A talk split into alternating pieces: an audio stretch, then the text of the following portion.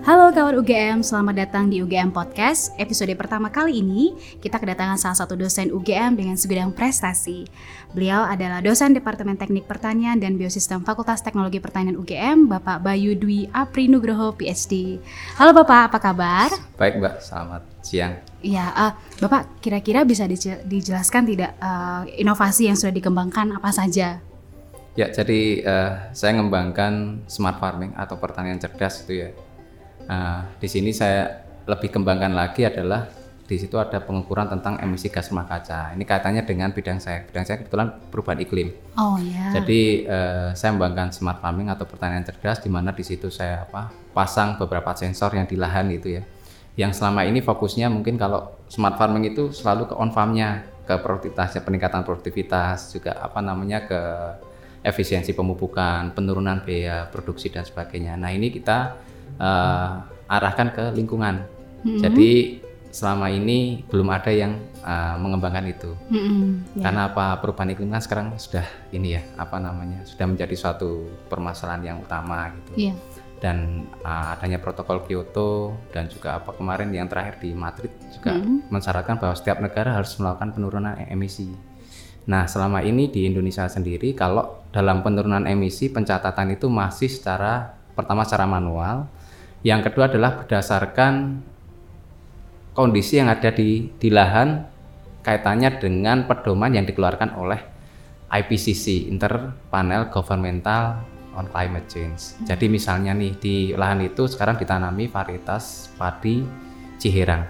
Itu sudah ada pedomannya. Kalau Ciherang itu dia mengeluarkan CO2 itu berapa, gas metan itu berapa. Gitu. Nah, dari situ kadang juga informasi yang didapatkan tidak selalu tepat. Kadang uh, lebih ada yang kadang kurang. Nah di situ saya mengembangkan smart farming ini menjadi uh, perhitung atau pengukuran yang real time.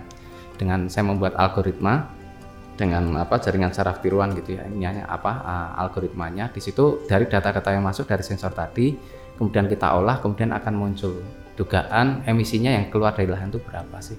Hmm, iya, gitu. oke. Okay. Berarti itu inovasinya ya, Pak. Iya. Terus untuk dampaknya sendiri inovasi ini bagi masyarakat apa nih, Pak? Ya, dampaknya yang pasti kan sekarang uh, ramah lingkungan ya, oh, ramah iya. lingkungan sehingga apa uh, pemanasan global itu bisa dikurangi. Iya. Mungkin sekarang orang bertanya-tanya, sekarang bulan Desember tapi oh, hujannya masih ini ya, masih iya. belum ada hujan sama sekali gitu ya, walaupun hujan ya masih belum belum banyak sehingga banyak petani yang belum apa belum nanam. Nah ini salah satunya salah satu efeknya kalau kita bisa mengurangi emisi gas rumah kacanya ya minimal inilah kita membantu untuk memerangi apa perubahan iklim. Gitu. Ya, luar biasa sekali ya Pak ya. Terus kalau untuk inovasi ini sendiri sudah diimplementasikan di mana saja Pak? Jadi uh, waktu saya sekolah gitu, ya, saya sedikit cerita gitu karena tadi saya bidang saya perubahan iklim adalah uh, saya tuh ngamati dari tahun 2010 sampai tahun 2018. Saya mengamati tentang pola perubahan iklim ini. Pertanyaan saya itu gampang gitu. Siapa sih yang paling dirugikan gitu dengan adanya dampak perubahan iklim ini? Ternyata petani. Pertanyaannya kenapa petani? Karena selama ini petani mereka menanam itu di bulan September atau Oktober dengan kondisi normal. Ini termasuk kejadian apa namanya eh, kebakaran hutan kebakaran hutan kalau ditinjau dari sisi iklimnya itu kenapa sih baru-baru sekarang ini apa namanya ramenya? Iya. Padahal itu orang bakar lahan untuk keperluan pertanian, untuk apa namanya pembersihan lahan itu sudah dilakukan jauh-jauh hari 20 tahun yang lalu mereka sudah melakukan. Tetapi kenapa baru sekarang? Karena apa? Mereka selalu berpedoman bahwa di bulan Agustus September itu akan hujan. Sehingga begitu dibakar kemudian juga akan dipadamkan secara otomatis kan gitu. Nah ternyata kondisi sekarang ini kan mundur gitu ya.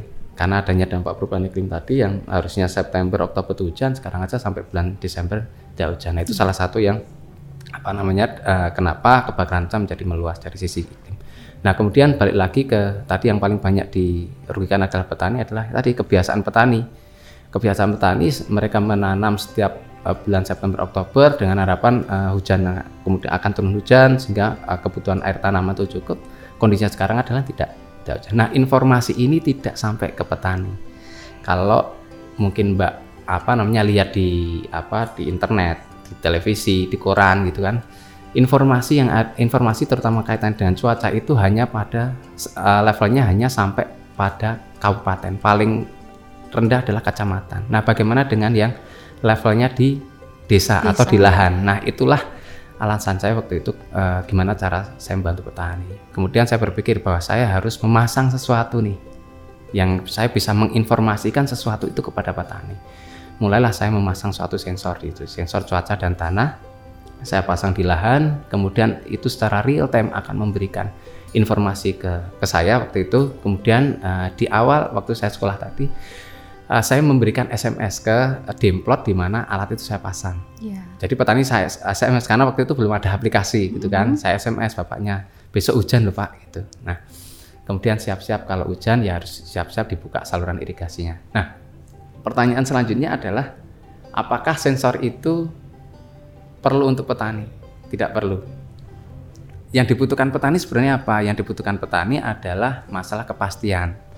Kepastian di situ adalah besok tuh kondisinya seperti apa sih gitu kondisinya seperti apa, terus saya harus melakukan apa. Gitu. Nah itu sebenarnya yang dibutuhkan oleh petani.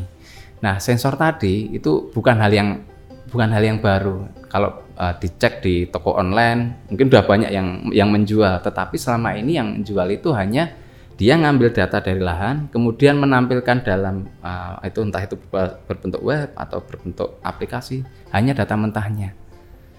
Sehingga apa? Sehingga petani aja kesulitan untuk membaca itu gitu kita aja kesulitan wakil petani. Nah, di situ saya eh, termasuk di apa untuk pengukuran emisi ini membuat satu algoritma. Yang pertama adalah saya menerjemahkan data-data yang dari lahan tadi menjadi sesuatu yang mudah dipahami oleh petani. Itu yang pertama. Kemudian yang kedua adalah di situ ada prediksi. Ada prediksi. Jadi kondisinya besok itu seperti apa sih? Nah, kalau kondisinya oh besok hujan.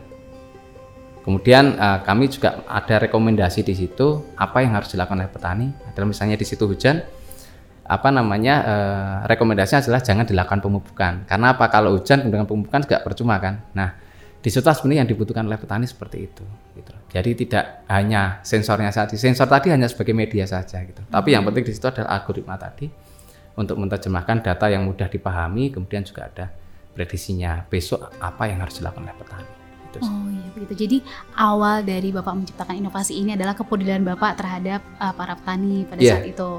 2010 sampai 2018 ya iya. Pak. 8 tahun itu 2010 Pak umur berapa ya Pak kira-kira? saya waktu itu Masih- masih sekolah sih Masih sekolah. ya, Nah, masih- itu berarti masih muda banget kan, Pak. Nah, kira-kira ada nggak sih, Pak, eh, tips-tips dari seorang Bapak Bayu Dwi Apri Nugroho PhD Iya. kepada mahasiswa, teman-teman mahasiswa nih khususnya yang masih muda-muda yang masih strong Iya. banget karena kan Bapak di sini salah satu dosen muda kan. Tips supaya kita termotivasi untuk buat inovasi-inovasi terbaru yang sekiranya nanti berguna bagi masyarakat gitu. Iya, saya ini siapa uh, pengen sharing juga. Saya sering di- diundang juga ke universitas-universitas lain ya untuk apa memberikan sharing terutama tentang technopreneurship. Kalau untuk teman-teman atau adik-adik mahasiswa bidang pertanian gitu. Pert- uh, apa namanya? Saya sampaikan bahwa jangan takut untuk terjun ke pertanian. Pertanian itu sesuatu yang mulia gitu. Pertanian itu jantung dunia gitu. Semua orang butuh makan. Nah, kalau tidak ada yang terjun ke pertanian, siapa yang apa namanya yang akan memberikan makan gitu ke Iya, kita benar semua. sekali. Nah, kemudian kalau terkait dengan inovasi adalah lihatlah sesuatu masalah, kemudian carilah pemecahannya. Jadi jangan ikut-ikutan. Contoh ikut-ikutan adalah kalau misalnya misalnya sekarang tuh banyak rame ya apa namanya ada OVO, ada Dana, ada apa namanya GoPay yang mereka berlomba-lomba apa namanya memberikan diskon gede-gedean gitu ya. Kalau misalnya di mall kita belanja, kita makan gitu. Nah, itu sistemnya ikut-ikutan, tetapi apa berinovasilah sesuai dengan permasalahan yang ada.